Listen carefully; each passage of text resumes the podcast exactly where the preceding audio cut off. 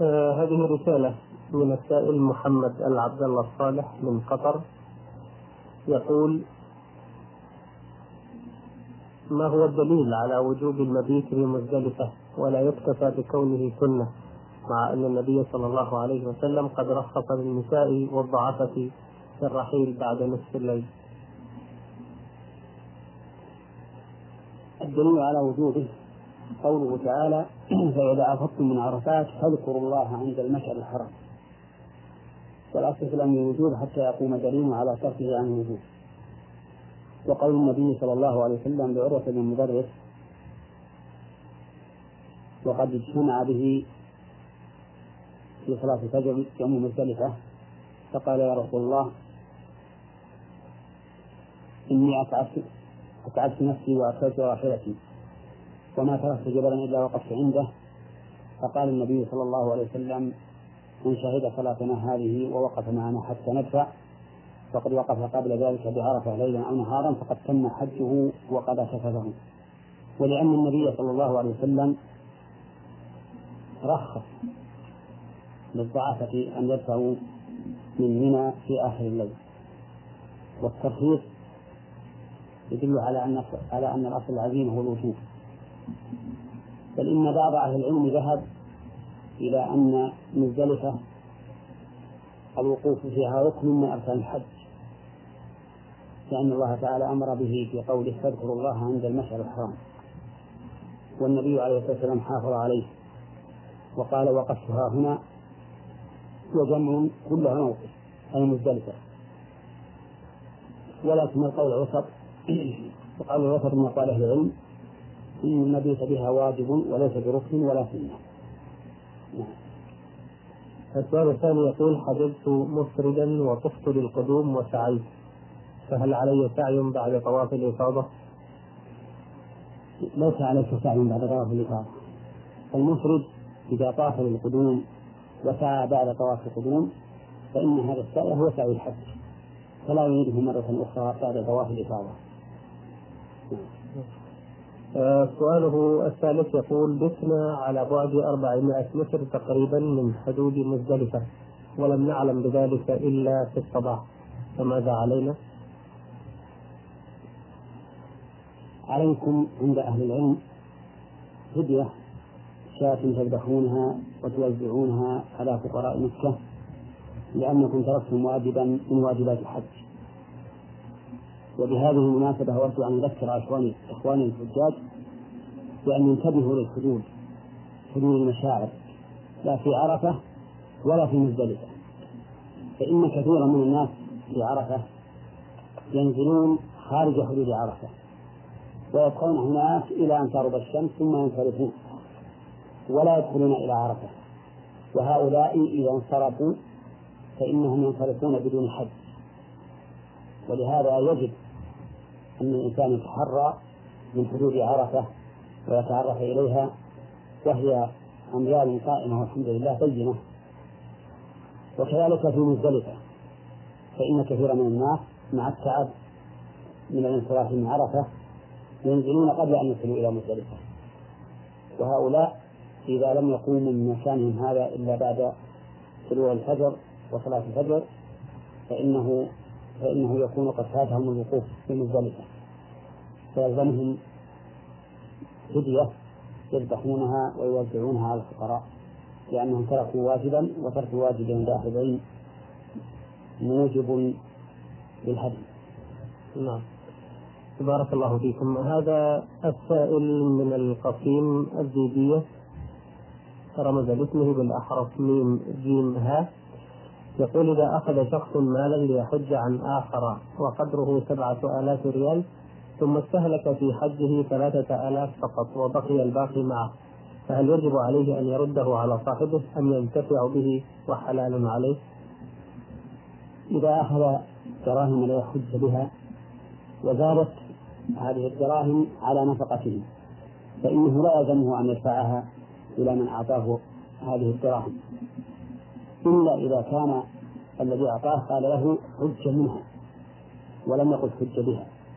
فإذا قال حج منها فإنه إذا زاد شيء عن النفقة يلزمه أن يرده إلى صاحبه فإن شاء عفى عنه وإن شاء أخذه وأما إذا قال حج بها فإنه لا يلزمه أن يرد شيئا إذا بقي.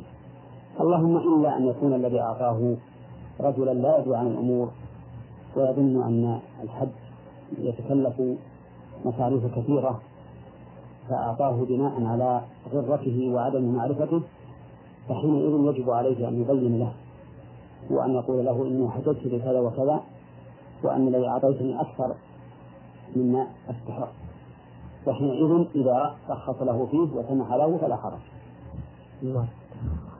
لكن إذا لم يحدد ولم يخصص في القول لم يكن حج منها ولم يكن حج بها وترك الأمر مبهما فهل يلزم هذا بإرجاع الزائد إلى صاحبه؟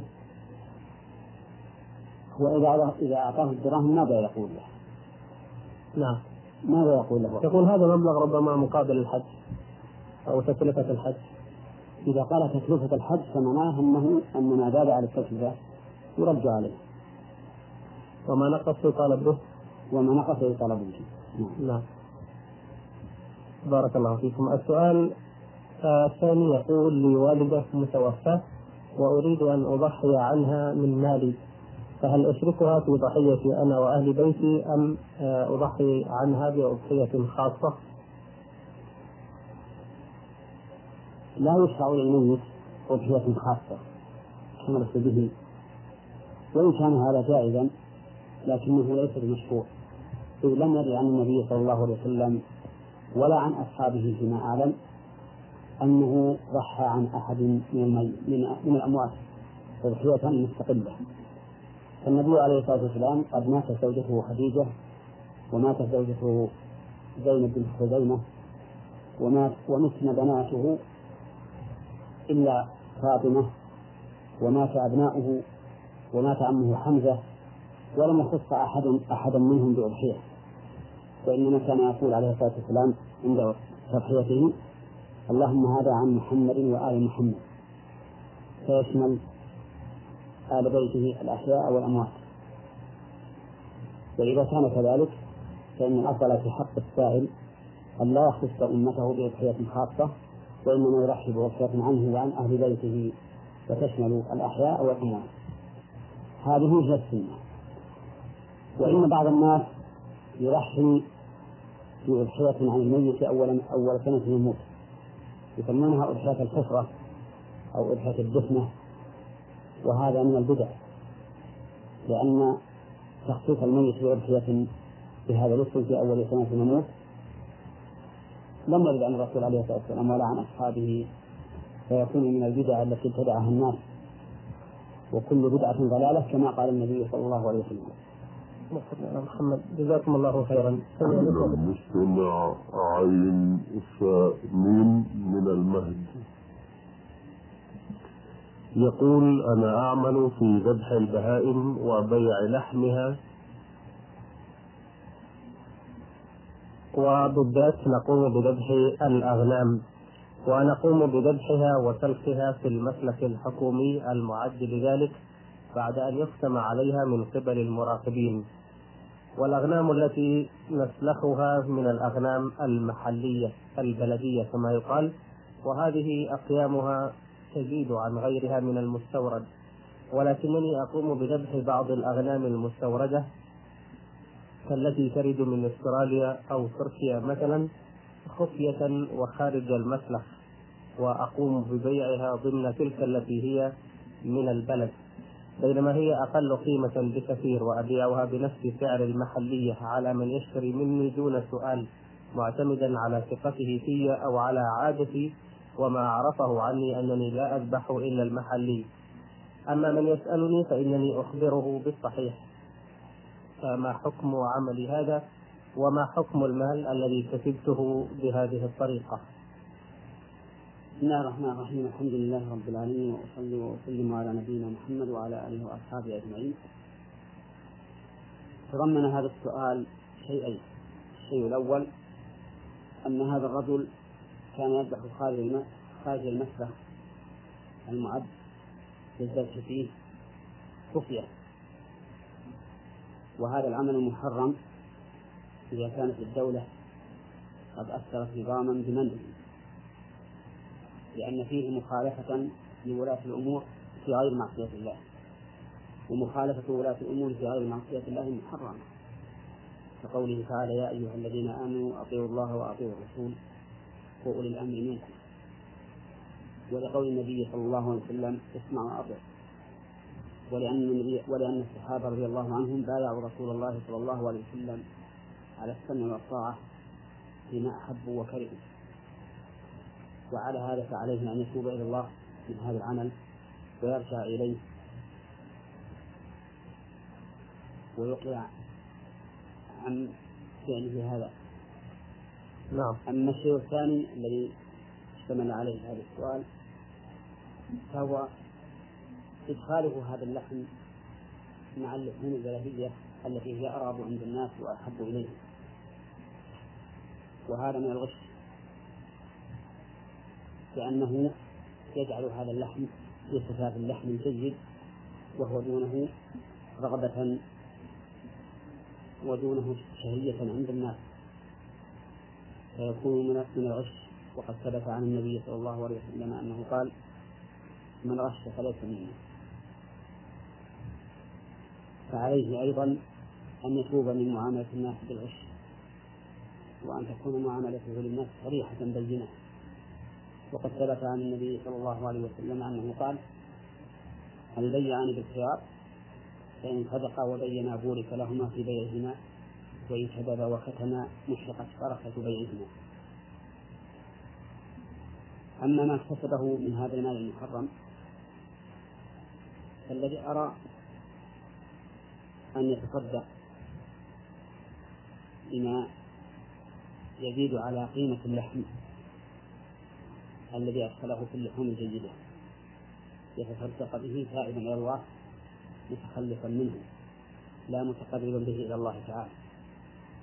لأن هذه الزيادة جاءت نتيجة لفعل محرم. وما كان نتيجة لفعل محرم فإن تحقيق التوبة منه أن يتبرع منه ويبتعد عنه. ونرجو من الله تعالى أن يتوب عليه وأن يهدينا جميعا بالنصح والبيان. بارك الله فيكم.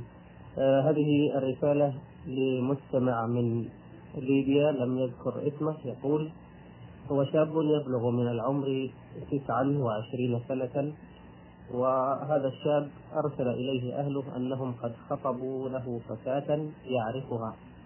وعندما وصله الخبر قال هي علي كظهر أمي وهي مطلقة بالثلاث لأنه لا يريدها. وعندما حضر إلى أهله وجدهم لم يخطبوا له الفتاة ولكن مجرد اقتراح.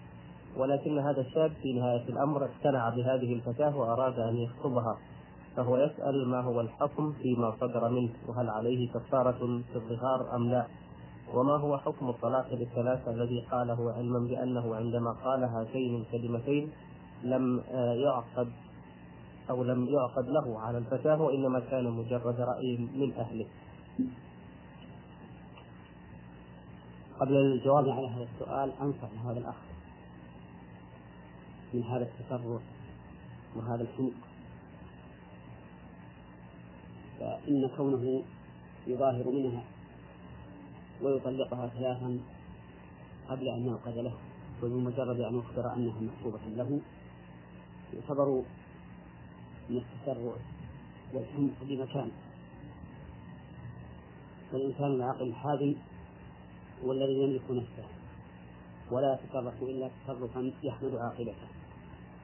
وكم من إنسان غلبه الطيش والغضب فتصرف تصرفا يندم له فيما بعد.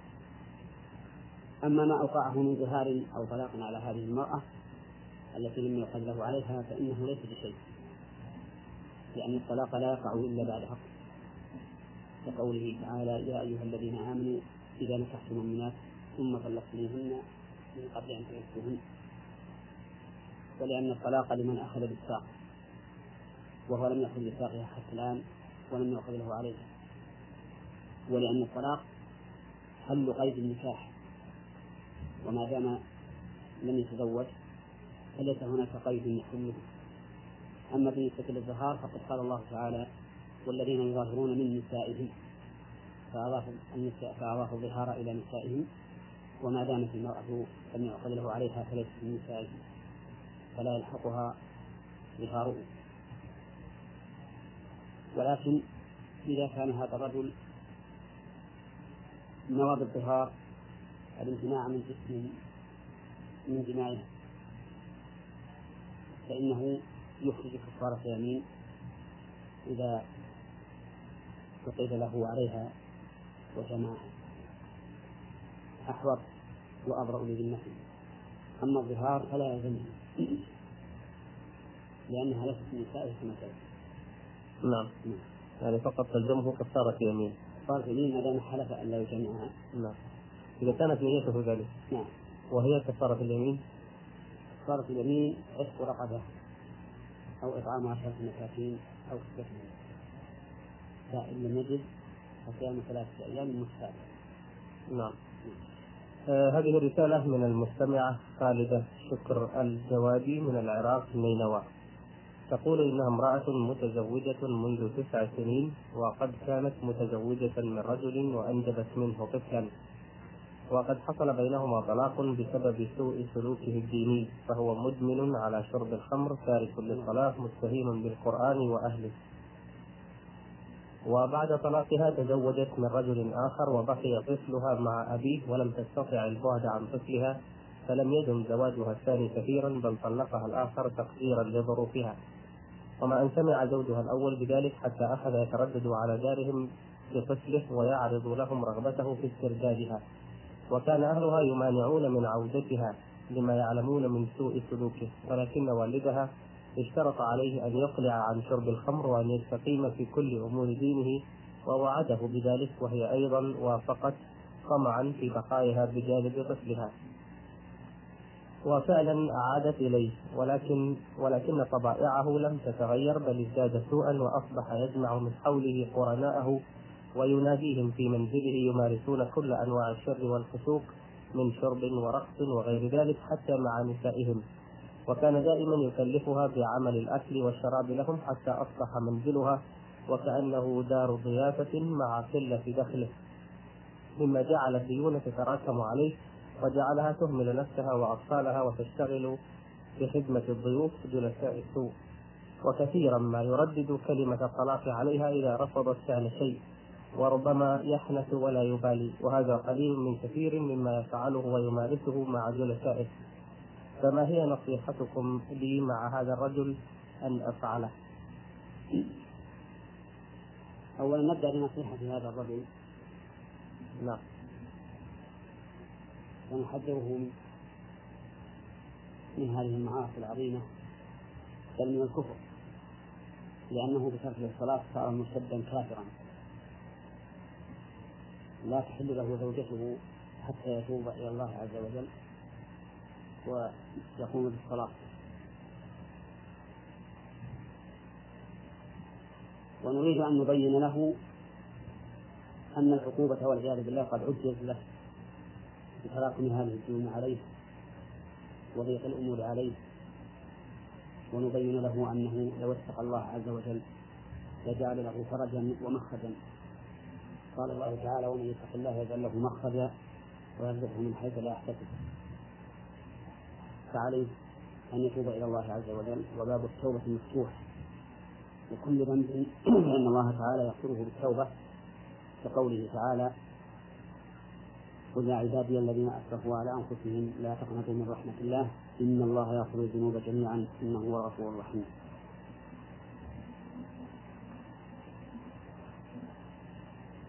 أما بالنسبة لهذه الزوجة فإن والدها أخطأ في تزويجها إياه بمجرد أن وعده بأنه سيتوب.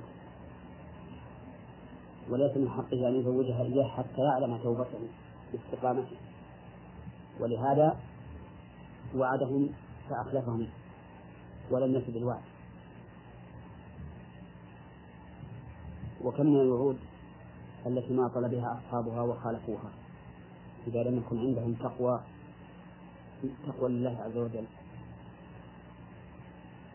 والحل لهذه المشكلة التي وقعت الآن أن يفرق بينه وبين هذه الزوجة لأنها لا تحل له ما دام تارك للصلاة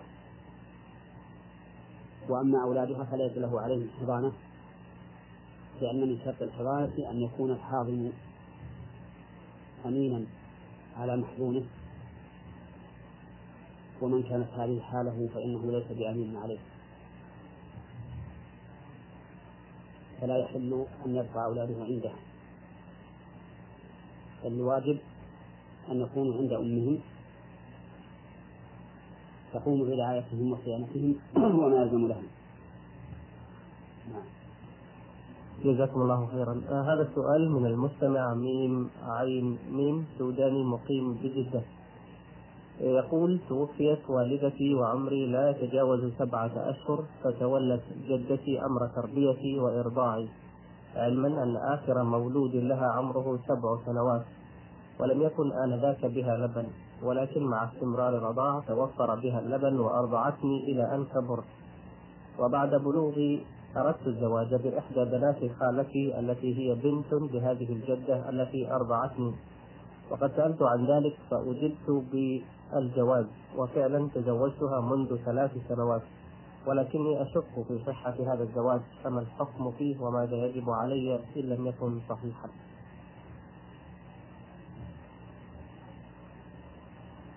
إذا رهعت من جدتك كما قلت. هذه المدة الطويلة التي تزيد على خمس مرات. فإنك بذلك تكون ولدا لها لأنها أرضعت وقد سمى الله تعالى المرضعات أما. قال تعالى وأمهاتكم اللاتي أرضعنكم. وثبت عن النبي صلى الله عليه وسلم أنه قال يحرم من الرضاع ما يحرم من من النسب. وعلى هذا فتكون أنت أخا لكل أولاد هذه المرأة وهي جدتك تكون أخا لكل أولادها من بنين وبنات. نعم. وإذا كان كذلك فإن خالات خالتك تكون أختا لك وتكون بناتها بنات بنات أختك. وأنت خالهن. فلا يحل لك أن تتزوج به وعليك الآن أن تفارق هذه المرأة وأن تبتعد عنها لأن النكاح لم ينعقد آه، كون الجدة كبيرة في السن وقد انقطع لبنها فترة هذا لا يؤثر؟ نعم لا يؤثر. نعم. نعم ما وجد اللبن؟ نعم. آه هذه رسالة من المستمع خلوي غازي محمد المطيري من السر. يقول توفيت زوجتي وكانت قد أوصت بثلث مالها لولدها حين يبلغ سن الرشد. وقد حضرت ذلك الثلث إلى أن بلغ ولدها سن الرشد فدفعته إليه. ولكنه سيء التصرف فيه ولا يعمل لتنميته وزيادته بل يصرف منه حتى يتناقص ودون عمل لزيادته. فأنا أسأل أولا هل مثل هذه الوصية صحيحة أم لا؟ وهل أترك ولدها يتصرف كيف يشاء في هذا الثلث أم أسترده منه حتى أعلم منه حسن التصرف؟ أفيدوني جزاكم الله خيرا. هذه الوصية صحيحة ولكنها قالت في وصيتها إنه يكون بيدك حتى يبلغ ابنها سن الرشد. ومعنى بلوغ سنها بلوغ ابنها سن الرشد. أن يكون رشيدا. فلا يحمل لك أن تسلمه إليه حتى تعلم أنه قد صار رشيدا في تصرفه. وما دام الأمر قد وقع فإنه لا بد أن تبلغ الأمر إلى المحكمة التي في بلدكم حتى تقوم بما يجب نحو هذا الموضوع. آه هذه رسالة من السائلة فاطمة خالد أم عماد من الأردن. تقول إنها امرأة لرجل يبلغ الحادية والستين سنة من العمر وهو مصاب بمرض السكر. لذا فهو سريع الغضب وحينما يغضب لأي سبب فإنه تصدر منه ألفاظ غير لائقة وكثيرا ما يتلفظ بالطلاق حتى لو لم تكن امرأته هي السبب.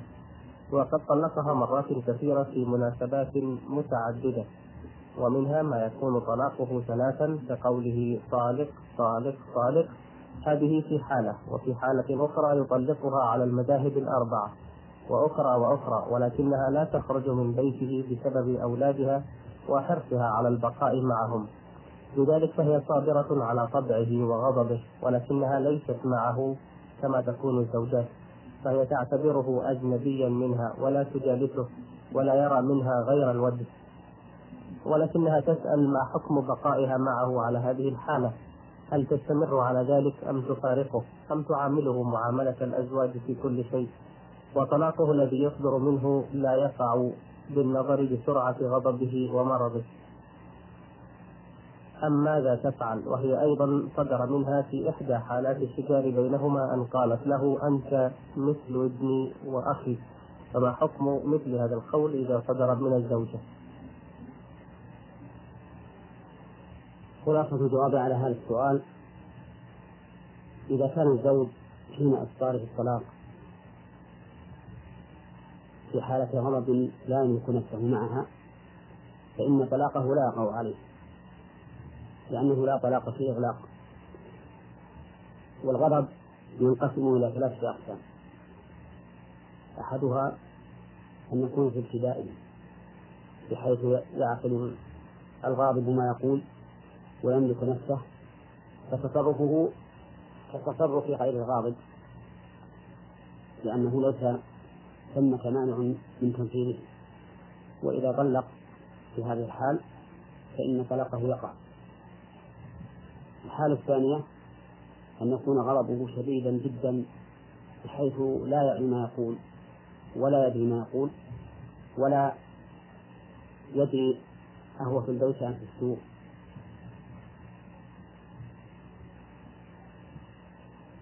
في حال يكون كالمغنى عليه فهذا لا يقع طلاقه بلا ريب وذلك لأنه ليس له فكر وليس له عقل بما يقول حينئذ. الحالة الثالثة أن يكون الغضب متوسطا بين الحالة الأولى والثانية بحيث يعي ما يقول ويدري ما يقول لكنه عاجز عن ملك نفسه. لا يملك نفسه مع هذا الغضب. ففي طلاقه خلاف ففي وقوع طلاقه خلاف بين أهل العلم. والراجح عندي أنه لا يقع طلاقه في هذه الحال لأنه كالمكره إذ أن الحالة النفسية الكامنة تلجئه إلجاء إلى أن يقول هذا الطلاق ولا سيما أن زوجها كما ذكرت كان معه مرض نفسي. فإذا كان زوجها في هذه الحال فإنه لا يقع طلاقه عليها مهما كرره وأما بالنسبة لما قالته هي له في بعض خصوماتها إنه كابنها فإن هذا ليس ليس بظهار. والمرأة ليست من أهل الظهار. فلو قالت لزوجها أنت علي كظهر أبي أو كظهر ابني أو كظهر أخي فليس هذا بظهار. ولا يلزمها فيه كفارة الظهار أيضا. لأن كفارة الظهار إنما تلزم من يقع منه الظهار وهو الزوج. وأما هي فلا يلزمها كفارة الظهار إذا قالت ذلك لزوجها. ولكن عليها كفارة يمين وهي عتق رقبة أو إطعام عشرة مساكين أو كسوتهم فإن لم تجد ما تطعم أو وجدت لكن لم تجد مساكين فإنها تصوم ثلاثة أيام متتابعة. وها هنا مسألة وردت في سؤاله نعم وهي أنها ذكرت أن زوجها يقول أنت طالق طالق طالق وهذا التكرار على هذا الوجه يعني تكرار الخبر دون الجملة كلها لا يقع به الثلاث حتى على المشهور من مثل الإمام أحمد إلا أن ينوي الثلاث بذلك. فإن لم ينوي الثلاث فإنه لا يقع إلا واحدة. فلو قال إنسان لزوجته أنت طالق طالق طالق. ولم ينوي الثلاث لم يلزمه إلا واحدة فقط. وبعض الناس قد يجهل حكم هذه المسألة ويظن أن المذهب وقوع الطلاق الثلاث في هذه العبارة. ولم يتبين له الفرق بين تكرار الجملة كلها وتكرار الخبر وحده. فتكرار الخبر وحده لا لا يتكرر لا يتعد به الطلاق إلا إذا نواه فإذا قال قائل لزوجته أنت طالق طالق طالق وجاء يسأل هل تطلق زوجتي ثلاثا؟ نقول له هل نويت الثلاث؟ فإن قال نعم صار الطلاق ثلاثا على المشهور من المشهور. نعم. وإن قال نويت واحدة لم يكن إلا واحدة. حتى على المشهور من المشهور. وإن قال لم أني شيئا إنما أطلقت هذا التكرار وليس عندي تلك الساعة نية. قلنا له أيضا لا يقع عليك إلا واحدة حتى على المشهور من المذهب أما على القول الراجح الذي نراه فإنه لا يقع الطلاق ثلاث ولو كرر الجملة كلها. حتى لو قال أنت طالق أنت طالق أنت طالق لأن حديث ابن عباس رضي الله عنهما كان الطلاق الثلاث على عهد النبي صلى الله عليه وسلم وعهد أبي بكر وسنتين من خلافة عمر. كان الطلاق ثلاث واحدة. فلما تتابع الناس فيه ألزمهم عمر وقال أرى الناس قد تتابعوا في أمر كانت له فيه, فيه أناس فلو أمضيناه عليهم فأمضاه عليهم.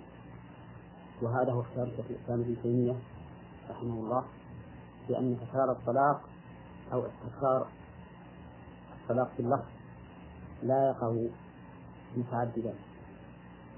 إلا إذا كان بعد رجعة أو نكاح جديد.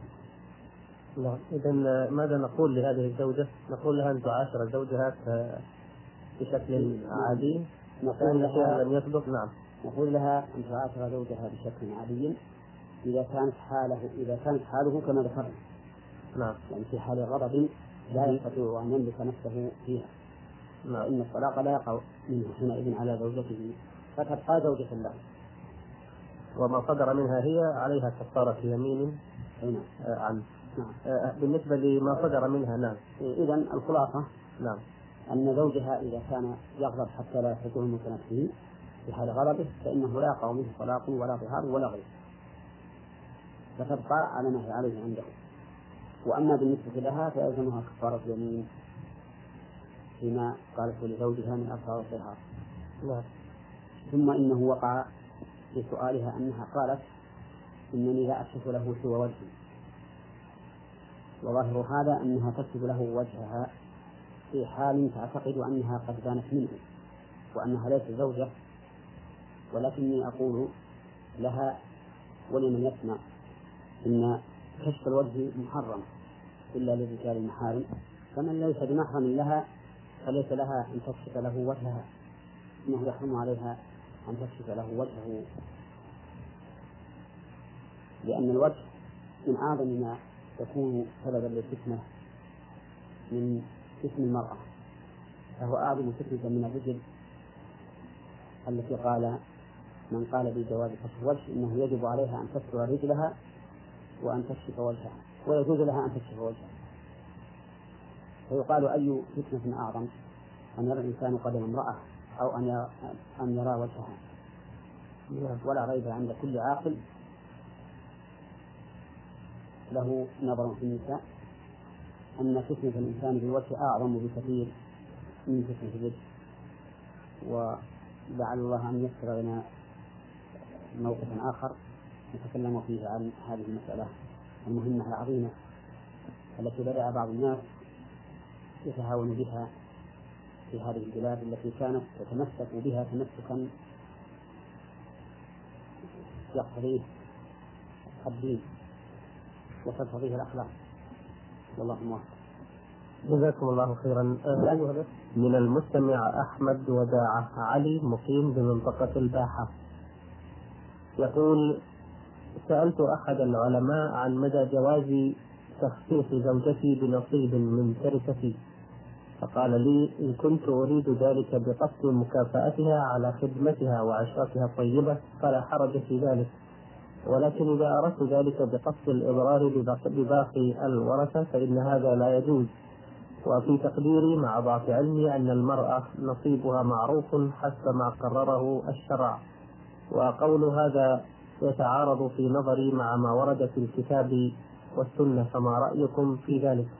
وإن كان كلام هذا العالم صحيحا فهل يمكن أن نقيس على ذلك أنه يمكن أن أخص أحد أولادي بنصيب من التركة دون إخوته بدعوى أنه وقف معي مواقف جيدة دون إخوته وخدمني أكثر منهم بسم الله الرحمن الرحيم الحمد لله رب العالمين وأصلي وأسلم على نبينا محمد وعلى آله وأصحابه أجمعين.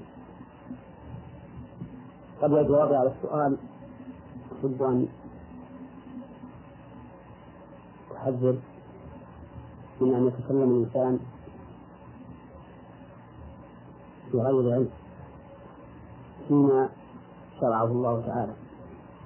لأن المتكلم فيما يكون من الشريعة معبر عن الله ورسوله. فعليه أن يحترز وأن يتحرى الصواب بقدر ما أمكنه قبل أن يتكلم. والجرأة على الفتيا ليست ليست بالأمر الهين. فإن الإنسان سوف يسأل. وربما تساهل الإنسان في كتب من الفتح في الساعات فضل بها كثير من الناس. وقد قال الله تعالى في محكم كتابه قل إنما حرم ربي الفواحش ما ظهر منها وما بطن والإثم والبغي بغير الحق. وأن تشركوا بالله ما لم ينزل به سلطانا وأن تقولوا على الله ما لا تعلمون.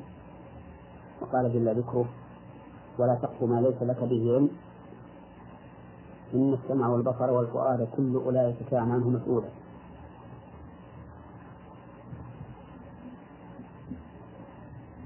وقد جعل الله تعالى في الأمر سعة بأن يقول من تفتي ولا علم عنده يقول لا أعلم. فيما لا يعلمون. فإن ذلك أبرأ لذمته وأعز له وأرفع له عند الله عز وجل. فإن من قال فيما لا أعلم إني لا أعلم فقد تواضع. ومن تواضع لله رفعه.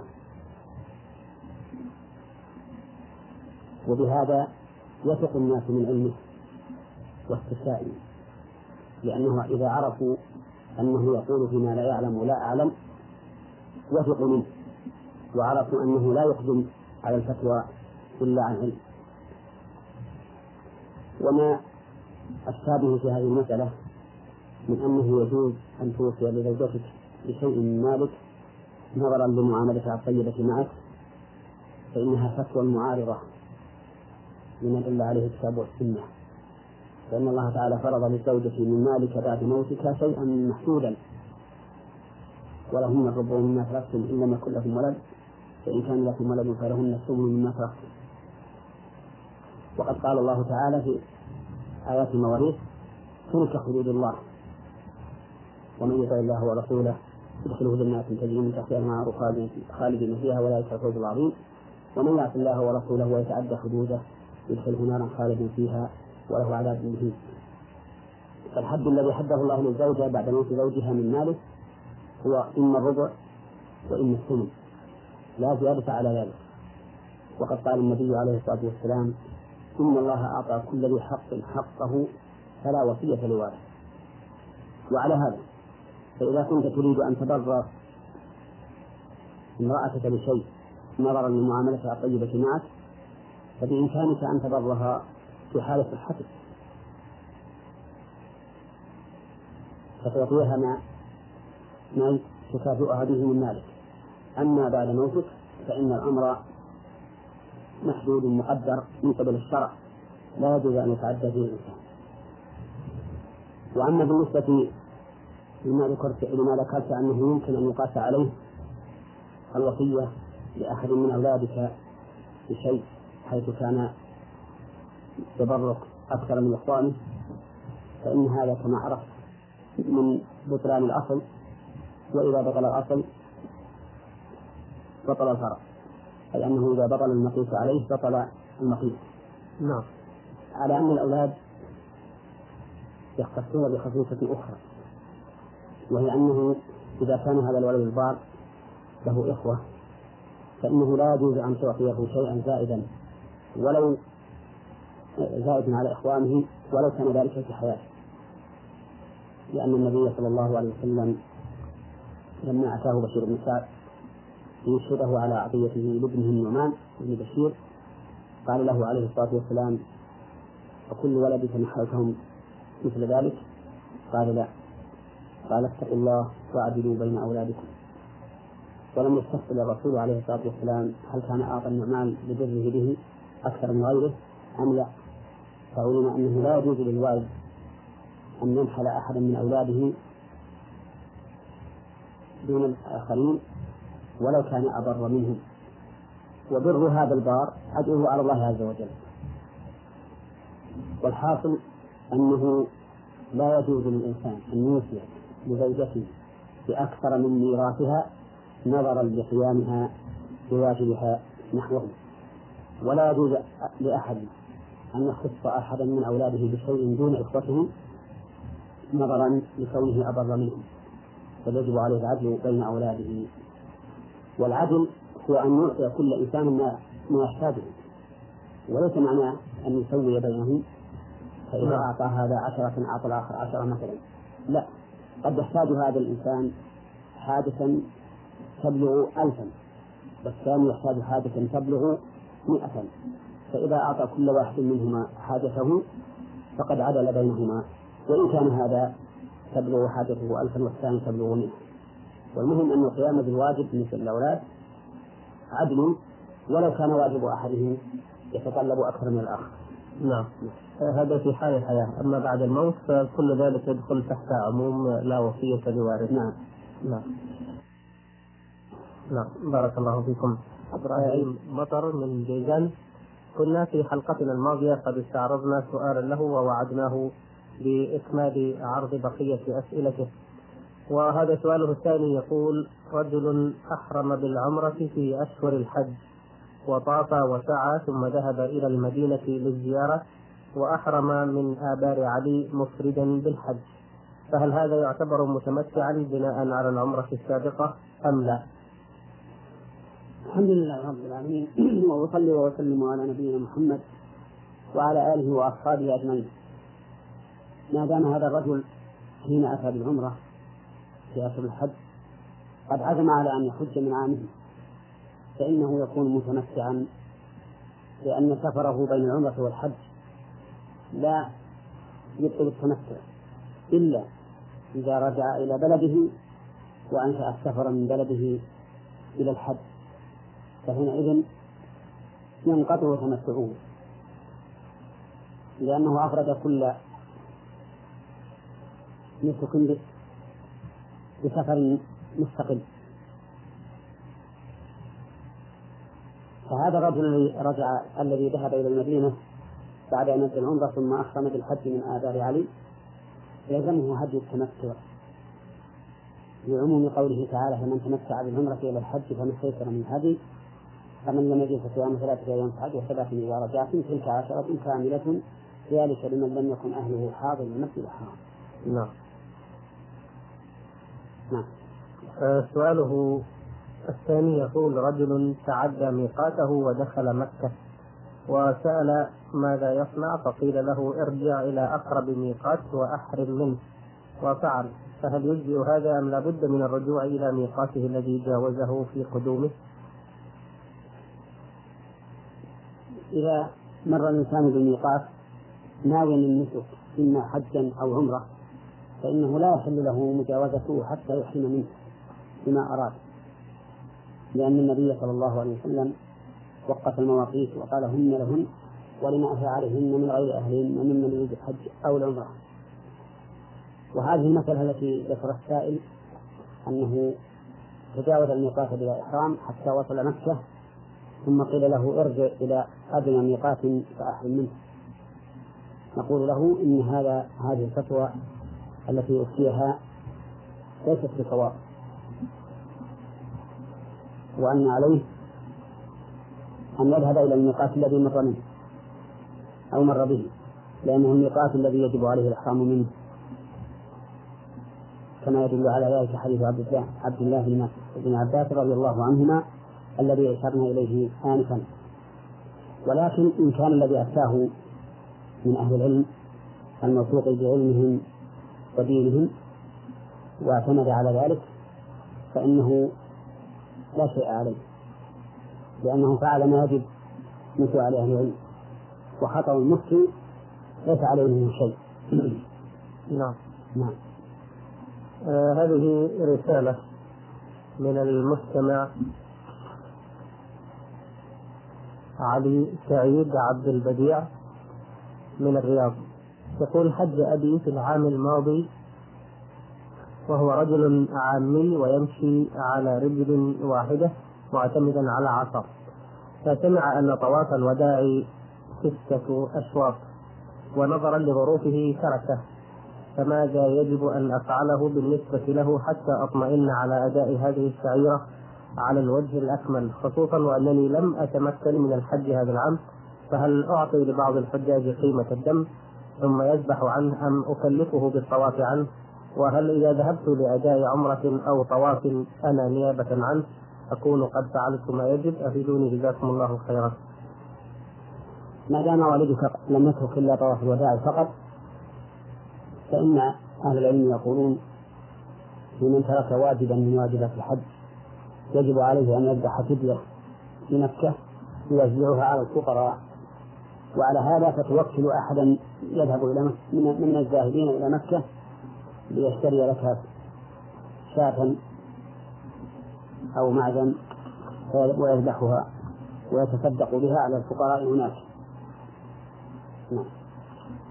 جزاكم الله خيرا. هذا المستمع مصطفى شعبان مصري مقيم بمكة المكرمة النزهة بعث بثلاث أسئلة. السؤال الأول يقول لقد قمت منذ ثلاث سنوات بالحج لي وكنت لا أعلم إلا القليل عن مناسك الحج. وذهبت مع بعض أصدقائي الذين حجوا في الأعوام السابقة ولكننا عندما وصلنا إلى عرفات تاه البعض عنا وكان معهم كل حاجاتنا ولم يبق معي غير نقودي وواحد من أصدقائنا. وأكملنا باقي مناسك الحج كمثل باقي الحجاج نسير معهم ونفعل كما يفعلون. حتى نزلنا من منى بعد رمي الجمرات جميعها ولا أدري أن علينا غير طواف الوداع ولم أعمل طواف الإفاضة ورجعت إلى جدة حيث أنني مصري وأعمل فيها. وكنت أعجب وطبعا لم أعمل طواف وداع إلا عند مغادرة المملكة في فترة الإجازة. ثم قمت بعدما علمت بتقصيري في الحج في الحجة الأولى بالحج مرة ثانية لي. وطبعا بحثت في مناسك الحج وقرأت الكثير عنه قبل ذهابي ثانيا حتى لا أقصر في شيء مرة أخرى. والحمد لله. وأخبروني أن الحجة الثانية تعوض النقصة الأولى. فأريد معرفة حقيقة الأمر منكم. هل علي شيء الآن بالنسبة للحجة الأولى التي مضى عليها أكثر من ثلاث سنوات؟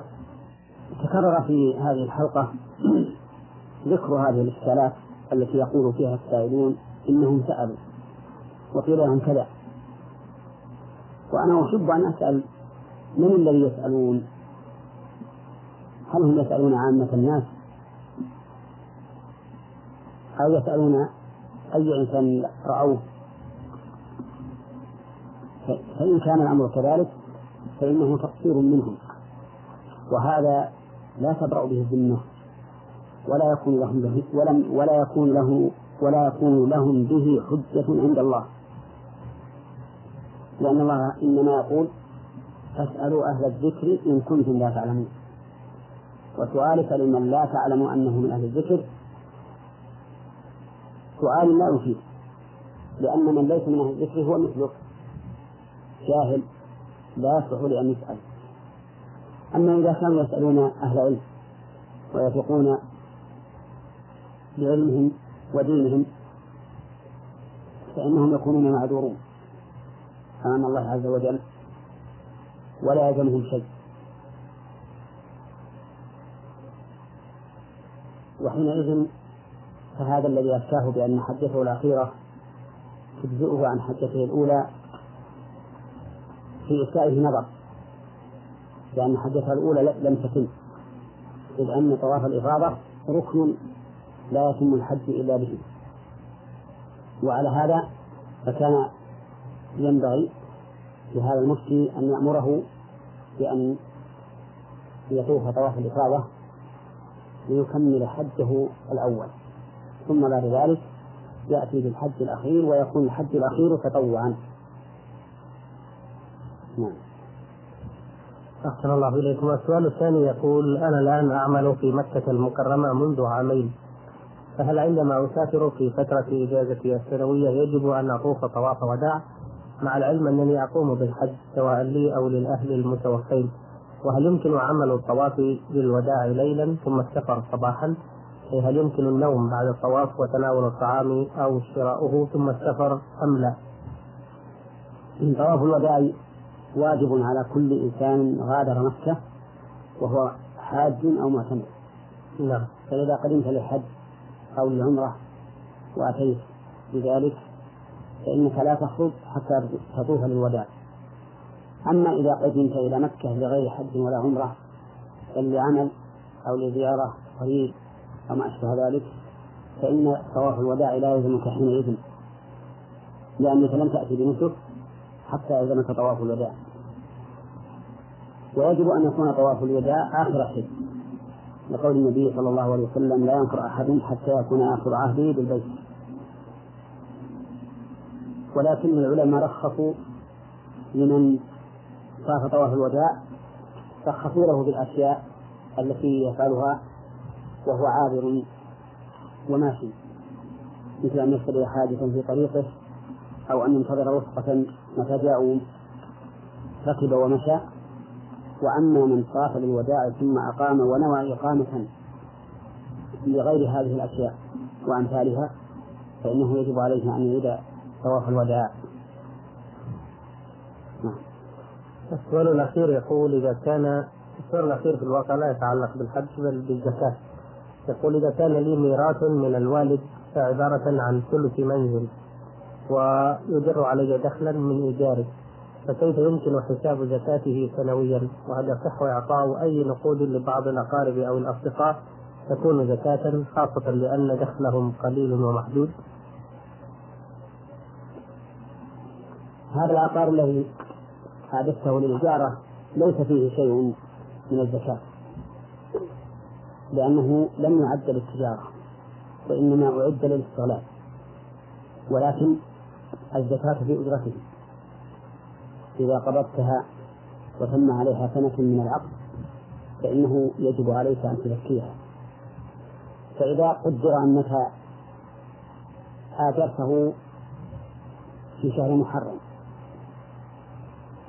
ثم عند تمام ذي الحجة أعطاك الأجرة فإنه يجب عليك أن تؤدي الزكاة لأنه تم عليه الحول نعم. وإن أعطاك الأجرة في أثناء السنة وصرفتها قبل أن تتم أن يتم الحول فلا زكاة عليك فيها. وأما صرف هذه الزكاة وغيرها من من الزكوات إلى الأقارب والأصدقاء فإن كانوا أهلا لها ومستحقين لها فإن الصدقة على الأقارب صدقة صدقة وصلة وهم أفضل من غيرهم. وإن كانوا لا يستحقون الزكاة فإنه لا يجوز أن تصرفها إليهم بل يجب أن تصرفها إلى من أوجب الله صرفها إليهم في قوله إنما الصدقات للفقراء والمساكين والعاملين عليها والمؤلفة قلوبهم وفي الرقاب والغارمين وفي سبيل الله وفي السبيل فريضة من الله والله عليم حكيم. نعم. بارك الله فيكم هذه الرسالة من المستمع صالح سليمان عبد الله من الأحياء المزروعية يقول ما الحكم في من ذهب لأداء فريضة الحج والعمرة قارنا هل يجزئ طواف القدوم للحج عن طواف العمرة وهل يجزئ السعي للحج عن السعي للعمرة؟ أم عليه أن يطوف طواف القدوم للحج ثم الطواف بنية العمرة ثم السعي للحج ثم السعي للعمرة؟ إذا حج الإنسان قارنا نعم. فإنه يجزئه طواف الحج وسعي الحج عن العمرة والحج جميعا ويكون طواف القدوم طواف السنة. وإن شاء قدم السعي بعد طواف القدوم كما فعل النبي صلى الله عليه وسلم. وإن شاء أخره إلى يوم العيد بعد طواف الإفاضة. ولكن تقديمه أفضل بفعل النبي صلى الله عليه وسلم. فإذا كان يوم العيد فإنه يطوف طواف الإفاضة فقط ولا يسعى لأنه سعى من قبل. والدليل على أن الطواف والسعي يكفيان للعمرة والحج جميعا. قول الرسول صلى الله عليه وسلم لعائشة رضي الله عنها طوافك بالبيت وبالصفا والمروة يسعك بحجك وعمرتك فبين النبي عليه الصلاة والسلام أن طواف القارن وسعي القارن يكفي الحج والعمرة جميعا. نعم. السؤال الثاني يقول آه، أثناء الطواف للعمرة أو الحج حان وقت صلاة الظهر؟ أو العصر أو أي فريضة أخرى فهل يصلي ثم يكمل بقية أشواط الطواف؟ أم يصلي ويبدأ الطواف من جديد؟ أم يكمل الطواف ثم يصلي متأخرا؟ إذا أقيمت الصلاة وأنت تطوف سواء طواف عمرة أو طواف حج أو طواف تطوع لا فإنك تنصرف من طوافك وتصلي ثم ترجع وتكمل الطواف. ولا تستأنفه من جديد. وتكمل الطواف من الموضع الذي انتهيت إليه من قبل. نعم. ولا حاجة إلى إعادة الشوط من جديد. نعم. لأن ما سبق بني على أساس صحيح وبمقتضى إذن شرعي فلا يمكن أن يكون باطلا. نعم. آه، من فعل شيئا من محظورات الإحرام هذا السؤال الثالث يقول من فعل شيئا من محظورات الإحرام بعد أن آه، لبس إحرامه كأن مشط شعر رأسه فعل ذلك ناسيا هل عليه شيء؟ إذا فعل شيء من محظورات الإحرام بعد أن لبس إحرامه وهو لم يعقد النية بعد فلا شيء عليه لأن يدرك بالنية لا بلبس الثوب ولكن إذا كان قد نوى ودخل في النسك فإنه إذا فعل شيئا من المحظورات ناسيا أو جاهلا فلا شيء عليه. ولكن يجب عليه بمجرد ما يدور العذر فيذكر إن كان ناسيا ويعلم إن كان جاهلا. يجب عليه أن يتخلى من ذلك المحظور. مثال هذا لو أن رجلا نسي فلبس ثوبا وهو محرم فلا شيء عليه. ولكن من حين ما يذكر يجب عليه أن يخلع هذا الثوب. وكذلك لو نسي فأبقى سرواله عليه.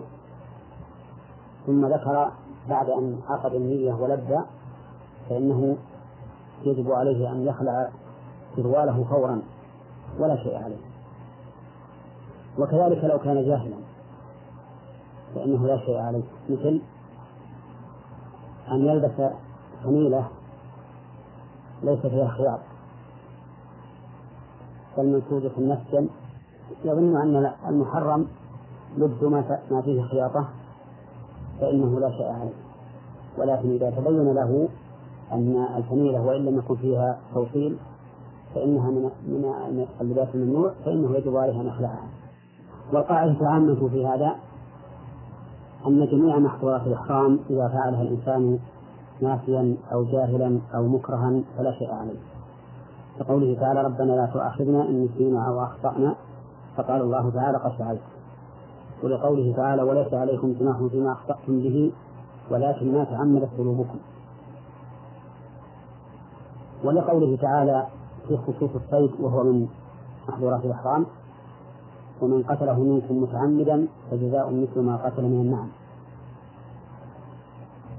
ولا فرق في ذلك بين أن يكون محظورات الإحرام أن يكون محظور الإحرام من اللباس والطيب و... ونحوهما أو من قتل الصيد وحلق شعر الرأس ونحوهما. وإن كان بعض العلماء فرق بين هذا وهذا ولكن الصحيح عدم التفريق لأن هذا من المحظور الذي يعلم الإنسان فيه بالجهل والنسيان والإكراه. واعلم أن الفدية في حلق الرأس ذكرها الله تعالى في القرآن في قوله ففدية من صيام أو صدقة أو نسك. والصيام ثلاثة أيام والإطعام إطعام ستة مساكين لكل مسكين نصف صاع والنصف شاة أو سبع بدنة أو سبع بقرة. نعم. السؤال الرابع يقول رجل لبس ملابس الإحرام ولكنه لم يترك الذراع الأيمن مكشوفا وغطى الصدر والظهر والذراعين فهل عليه شيء؟ وإذا أمسك بمظلة لحماية رأسه من الشمس فهل عليه شيء؟ وكذلك لو لبس حزاما من الجلد حول وسطه فوق الإزار وهو مخيط فهل يؤثر هذا على صحة الإحرام؟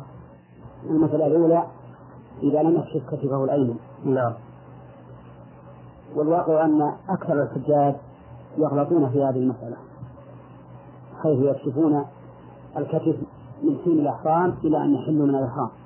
نعم. وهذا سببه الجهل.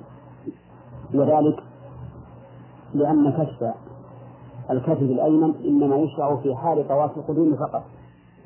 وعلى هذا فإذا أحرمت فإنك تغطي جميع الكتفين. نعم حتى تشرع في طواف القدوم. فإذا شرعت في طواف القدوم اطلعت بأن تفسد الكتف الأيمن وتجعل طرف الرداء على الكتف الأيسر. فإذا فرغت من الطواف أعدت الرداء على ما كان عليه أي غطيت الكتفين جميعا. نعم ولهذا يزول الإشكال الذي ذكره السائل. فيكون الإنسان مغطيا كتفيه وقاية للحر أو البرد إلى أن يبدأ بالطواف. وأما المسألة الثانية وهي حمل المظلة على الرأس وقاية من حر الشمس فإن هذا لا بأس به ولا حرج. ولا يدخل هذا في نهي النبي صلى الله عليه وسلم عن تغطية الرأس. رأس الرجل لأن هذا ليس تغطية بل هو تضليل من الشر من الشمس والحر وقد ثبت في صحيح مسلم أن النبي صلى الله عليه وسلم كان معه أسامة بن زيد وبلال أحدهما يقود به راحلته والثاني رافع ثوبه يظلله من الشمس حتى أو من الحر حتى رمى جمرة العقبة. وهذا دليل على أنه أي النبي صلى الله عليه وسلم قد استظل بهذا الثوب وهو محرم. نعم. قبل أن يتحلل. وأما السؤال الثالث وهو وضع حزام وهو وضع الحزام نعم. على وسطه فإنه لا بأس به ولا حرج فيه. وقوله مع أنه مخيط هذا القول مبني على فهم خاطئ من بعض العامة حيث ظنوا أن معنى قول العلماء يحرم على المحرم لبس المخيط ظنوا أن المراد به ما كان فيه خياطة. وليس كذلك. المراد أهل العلم بلبس المخيط ما كان مخيطا على قدر العضو ولبس على هيئته المعتادة كالقميص والسراويل والفميلة وما أشبهها. نعم. وليس مراد أهل العلم ما كان فيه خياطة. ولهذا لو أن الإنسان أحرم برداء مرقع أو بإزار مرقع لم يكن عليه في ذلك بأس. وإن كان قد خيط بعضه ببعض نعم, نعم. إذا على هذا يجوز يعني جميع أنواع الأحزمة نعم. وما يسمى منها بالكمر لحفل النقود وال نعم. كل هذه جائزة. أو بعض الأنواع من الأحذية أيضا. نعم. نعم. السؤال الأخير يقول آه، أدى أحد مناسك الحج ولم يتمكن من الذهاب لزيارة المسجد النبوي وسافر مباشرة فهل من ضرورة قبول الحج أن يلحق بالزيارة أم لا؟ هذا ليس من ضرورة الحج. ليس من ضرورة الحج أن يزور الإنسان المسجد النبوي. ولا علاقة له بالحج. وإنما زيارة مسجد الرسول صلى الله عليه وسلم تكون في كل وقت. ولكن أهل العلم ذكروها في المناسك لأنه فيما سبق كان يشق على الناس أن يأتوا لزيارة المسجد النبوي فكانوا يجعلونها مع فعل الحج ليكون السفر إليها واحدا وإلا فلا علاقة لها بالنسك. بل من اعتقد أن لها علاقة في النسك فإن اعتقاده ليس بصحيح لأن ذلك لم يرد عن النبي صلى الله عليه وسلم ولا عن أصحابه. نعم. بارك الله فيكم. آه هذا السؤال من المستمع أحمد محمد حسين من جمهورية اليمن الديمقراطية عدن يقول ما حكم حج من أحرم بالحج متمتعا وطاف وسعى ولكنه لم يحلق أو يقصر بل حل من إحرامه وبقي إلى يوم الثامن من ذي الحجة فأحرم بالحج من جدة إلى منى وأدى المناسك كاملة حتى طواف الوداع. فماذا عليه في ذلك؟ هذا الحاج ترك التقصير في عمرته والتقصير من واجبات العمرة وفي ترك الواجب عند أهل العلم دم يذبحه الإنسان في مكة ويوزعها على الفقراء. وعلى هذا فنقول لهذا الحاج يجب عليك على ما قاله أهل العلم أن تذبح فدية بمكة وتوزعها وتوزعها على الفقراء. وبهذا تتم عمرتك وحجك. نعم وإن كان الآن خارج مكة وإن كان خارج مكة يوصي أن يذبح له الفدية بمكة. لابد أن تذبح في مكة. نعم. نعم. جزاكم الله خير الجزاء. يقول سبق أن حججت قبل سبع سنوات وكان حج تمتع قمت ثلاثة أيام في مكة حيث لم أستطع حين ذاك أن أضحي ورجعت لمقر عملي لكنها مضت سنتان ولم أستطع أن أكمل صيام سبعة أيام باقية علي. وفي السنة الثالثة راسلت أحد معارفي في مكة وطلبت منه أن يضحي عني وقد قام بذلك مشكورا ودفعت له قيمتها. وهذه الأضحية كانت بنية الأضحية التي فاتتني سابقا. ولم أستطع الصيام عنها أيضا. فالآن أريد أن أستفسر هل أجزت تلك الأضحية المتأخرة؟ أم يلزمني أن أكمل صيام سبعة أيام؟ أم يلزمني شيء آخر غير ذلك؟ بسم الله الرحمن الرحيم. الحمد لله رب العالمين وأصلي وأسلم على نبينا محمد وعلى آله وأصحابه أجمعين. هذا السؤال الذي ساقه السائل ظهر لي منه أنه كان متمتعا ولم يجد الحج وأنه صام ثلاثة أيام في الحج وبقي عليه سبعة أيام. ثم إنه تشاءل عن هذه السبعة أو تثاقلها وأراد أن يذبح الهدي. والجواب على ذلك أنه لو كان هذا في وقت الهدي قبل مضي أيام التشريق لكان تصرفه صحيحا. أي لو أنه بعد أن صام ثلاثة أيام أراد أن يذبح الهدي الذي هو الأصل وكان ذلك في وقت ذبحه لكان هذا التصرف صحيحا. أما بعد أن فات وقت الذبح في انتهاء أيام التشريق فإنه ليس عليه إلا الصيام. وحينئذ فيلزمه أن يصوم بقية الأيام العشرة وهي سبعة أيام. نسأل الله له نعم نعم. نعم. جزاكم الله خيرا. آه هذا السائل صالح جابر سوداني مقيم بالكويت. يقول لقد أديت فريضة الحج في عام مضى مع كفيلي ولقد كان اسمي الصحيح صالح جابر وقد اشتريت عقدا للعمل بدولة الكويت باسم عبد الله الشيخ نافع ولقد استخرجت جواز سفر بهذا الاسم ومن ثم أديت به فريضة الحج في ذلك العام. فهل يصح حجي أم ماذا؟ أفيدوني جزاكم الله خيرا. إن حجك صحيح لأن تغيير اسمك لا يؤثر في صحة الحج. نعم. ولكن عليك الإثم بتغيير الاسم.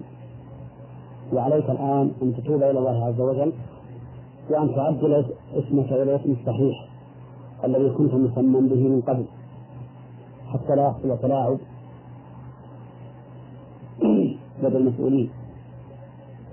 ولئلا تسقط الحقوق التي وجبت عليك باسمك الأول باختلاف اسمك الثاني عن الاسم الأول. فتكون بذلك آكل للمال بالباطل مع الكذب الذي اشتريته بتغيير اسمك. وبهذه المناسبة أود أن أنصح كل من سمع كلامي هذا لأن الأمر ليس بالحج بالنسبة لأولئك الذين يزورون الأسماء ويستعيرون أسماء لغيرهم من أجل أن يستفيدوا من إعانة الحكومة أو من أمور أخرى أو من أجل أن يصلوا إلى غاية لهم بأسماء غيرهم من هذه الأسماء المزورة. فإن ذلك تلاعب في المعاملات وكذب وغش وخداع للمسؤولين والحكام. وليعلموا أن من اتقى الله عز وجل جعل له مخرجا ورزقه من حيث من حيث لا يحتسب. وأن من رزقه الله جعل له من أمره يسرا. وأن من اتقى الله جعل جعل له من أمره يسرا. وأن من اتقى الله وقال قولا سديدا أصلح الله له عمله وغفر له ذنبه.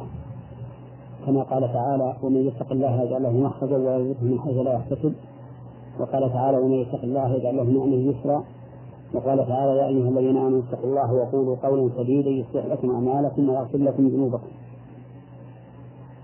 نعم. آه، له سؤال آخر يقول آه، ما هو الوقت المخصص لرمي الجمرات آه، بداية ونهاية؟ فقد رميت الجمرة الأخيرة في الساعة التاسعة صباحا وكنت مع سفيني وهو الذي أصر على الرمي في هذا الوقت بالرغم من إلحاحي بتأخيرها حتى بعد الظهر. فهل أجزأ عنا ذلك الرمي؟ أم علينا شيء نفعله؟ وقت الرمي بالنسبة لرمي جمرة عقبة من العيد نعم. يكون لأهل القدرة والنشاط من طلوع الشمس يوم العيد ولغيرهم من الضعفاء ومن لا يستطيع مزاحمة الناس من الصغار والنساء. يكون وقت الرمي في حقهم من آخر الليل. وكانت أسماء بنت أبي بكر رضي الله عنهما كانت ترتقب غروب القمر ليلة العيد فإذا غاب دفعت من مزدلفة إلى منى ورمت الجمرة أما آخره فإنه إلى غروب الشمس من يوم العيد وإذا كان الإنسان في زحام أو كان بعيدا وأحب أن يؤخره إلى إلى الليل فلا حرج عليه في ذلك. ولكنه لا يؤخره إلى طلوع الفجر من اليوم الحادي عشر.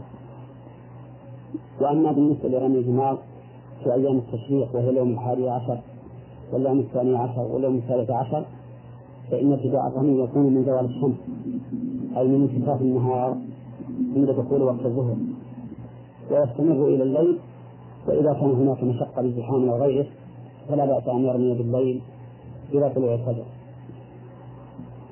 ولا يحل الرمي في اليوم الحادي عشر واليوم الثاني عشر لا يحل الرمي قبل الزوال لأن رسول الله صلى الله عليه وسلم لم يرمي إلا بعد الزوال وقال للناس خذوا عني مناسككم وكان الرسول عليه الصلاة والسلام يؤخر الرمي إلى هذا الوقت مع أنه في شدة الحر ودعا أول النهار مع أنه أبرد وأيسر دليل على أنه لا يحل الرمي قبل هذا الوقت.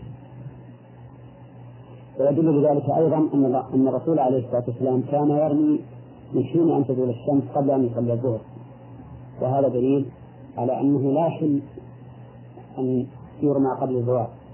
وإلا لكان الرمي قبل الزوال أفضل لأجل أن يصلي الصلاة صلاة الظهر في أول وقتها لأن الصلاة في أول وقتها أفضل.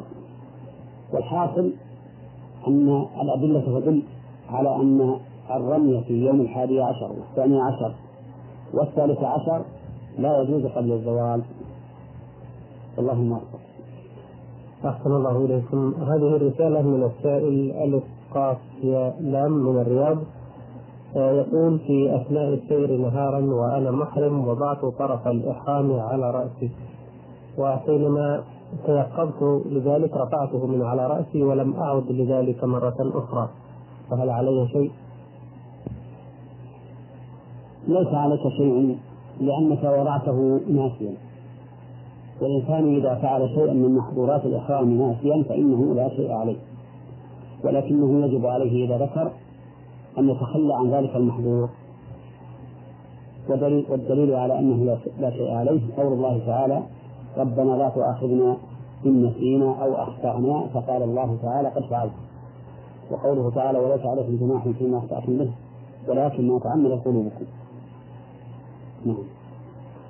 السؤال الثاني يقول قمت برمي الجمرات أول أيام العيد وثاني يوم وانصرفت معتقدا أن رمي التعجيل يومين أول أيام العيد وثاني الأيام. وبعد عودتي إلى الرياض عرفني أحد الإخوان بأن الرمي المعجل يومين بعد أول أيام العيد لا يوما واحدا مثل ما فعلت. فما الذي يجب علي فيما سبق مع أني لم أطف طواف الوداع؟ وهل حجي صحيح بذلك الشكل؟ حجك صحيح لأنك لم تترك فيه ركنا من أركان الحج. ولكنك تركت فيه ثلاثة واجبات. الواجب الأول المبيت في منى ليلة الثاني عشر. الواجب الثاني رمي الجمرات في اليوم الثاني عشر. الواجب الثالث آه، طواف الوداع. ويجب عليك على كل واحد منها دم تذبحه في مكة وتوزعه على الفقراء لأن الواجب عند أهل العلم إذا تركه الإنسان عند واجب الحج إذا تركه الإنسان وجب عليه دم يذبحه في مكة ويفرقه على الفقراء. وبهذه المناسبة أود أن ننبه إخواننا الحجاج على هذا الخطأ الذي ارتكبه أخونا السائل فإن كثيرا من الحجاج يفهمون مثل ما فهم يفهمون أن معنى قوله تعالى فمن تعجل في يومين أي خرج في اليوم الحادي عشر. فيعتبرون اليومين يوم العيد واليوم الحادي عشر والأمر ليس كذلك. بل هذا خطأ فهم آه هذا خطأ في الفهم. لأن الله تعالى قال واذكروا الله في أيام معدودات فمن تعجل في يومين فلا إثم عليه. والأيام المعدودات هي أيام التشريق. وأيام التشريق أولها اليوم الحادي عشر. وعلى هذا فيكون قوله فمن تعجل في يومين أي من أيام التشريق وهو اليوم الثاني عشر.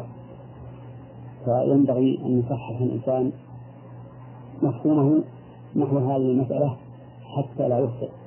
والله موفق جزاكم الله خيرا. هذا السائل إبراهيم مطر من جيزان بعث بسؤالين.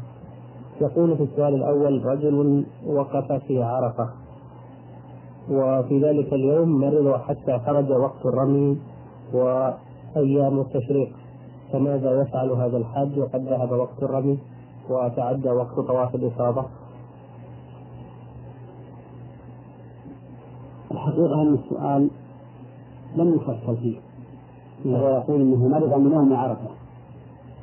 ولا ندري هل بقي في عرفة حتى غربت الشمس وهل بات بمزدلفه وهل بات بمنى فهذا السؤال فيه إشكال واضح.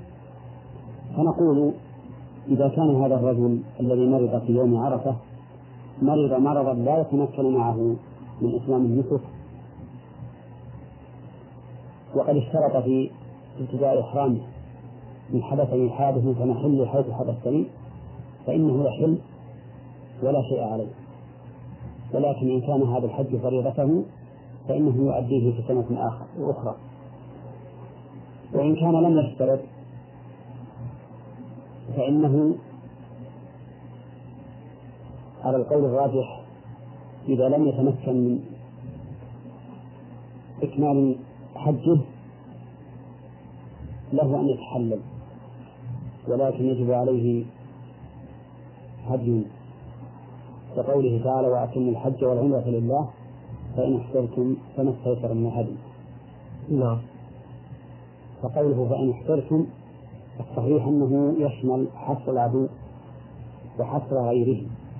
ومعنى الإحصار أن يمنع الإنسان مانع من إتمام نسكه وعلى هذا فيتحلل بعمرة فيتحلل ويذبح هديا ولا شيء عليه سوى ذلك. إلا إذا كان لم يؤدي فريضة الحج فإنه يحج من العام القادم. أما إذا كان الرجل واصل المسير بحجه ووقف بمزدلفة ولكنه في منى لم يبت ولم يرم ولم يرم الجمرات فإنه في هذه الحال يكون حجه صحيحا ومجزئا ولكن عليه دم لكل واجب تركه. فيلزمه على هذا دمان أحدهما للنبي في منى والثاني لرمي الجمرات وأما طواف الوداع فيطوفه إذا إذا أراد أن يخرج. طواف الإفاضة. هو لم يقف طواف الإفاضة. نعم. طواف الإفاضة يبقى حتى يعافيه الله فيطوف. يبقى عليه. نعم. ولو تأخر. لأنه أي طواف الإفاضة ليس له حد. نعم. حده على قول الراجح إلى منتهى شهر ذي الحجة. فإن كان العذر فحتى ينتهي عذره السؤال الثاني يقول رجل سافر إلى أرضه ولم يطف طواف الإفاضة فما حكم هذا مع العلم؟ أنه قد أتى أهله في تلك الفترة. يجب على هذا الرجل أن يمتنع عن أهله لأنه قد حل التحلل الأول دون الثاني. ومن حل التحلل الأول دون الثاني حرم أبيح له كل شيء إلا النساء.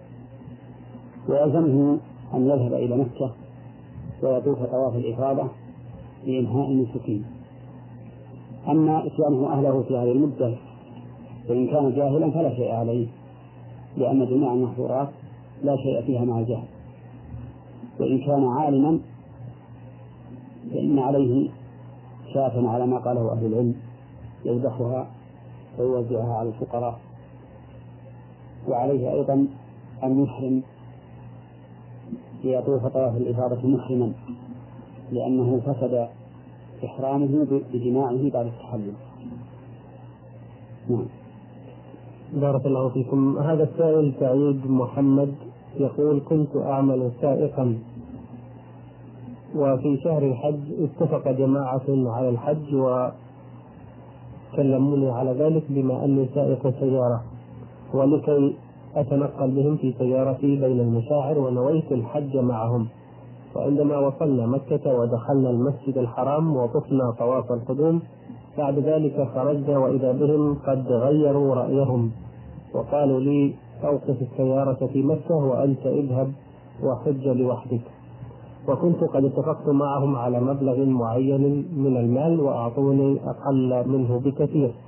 وعندها غضبت ونزلت إلى جدة. وقطعت حجي ومن يومها وأنا لا أعرف ماذا يترتب علي من جراء ذلك.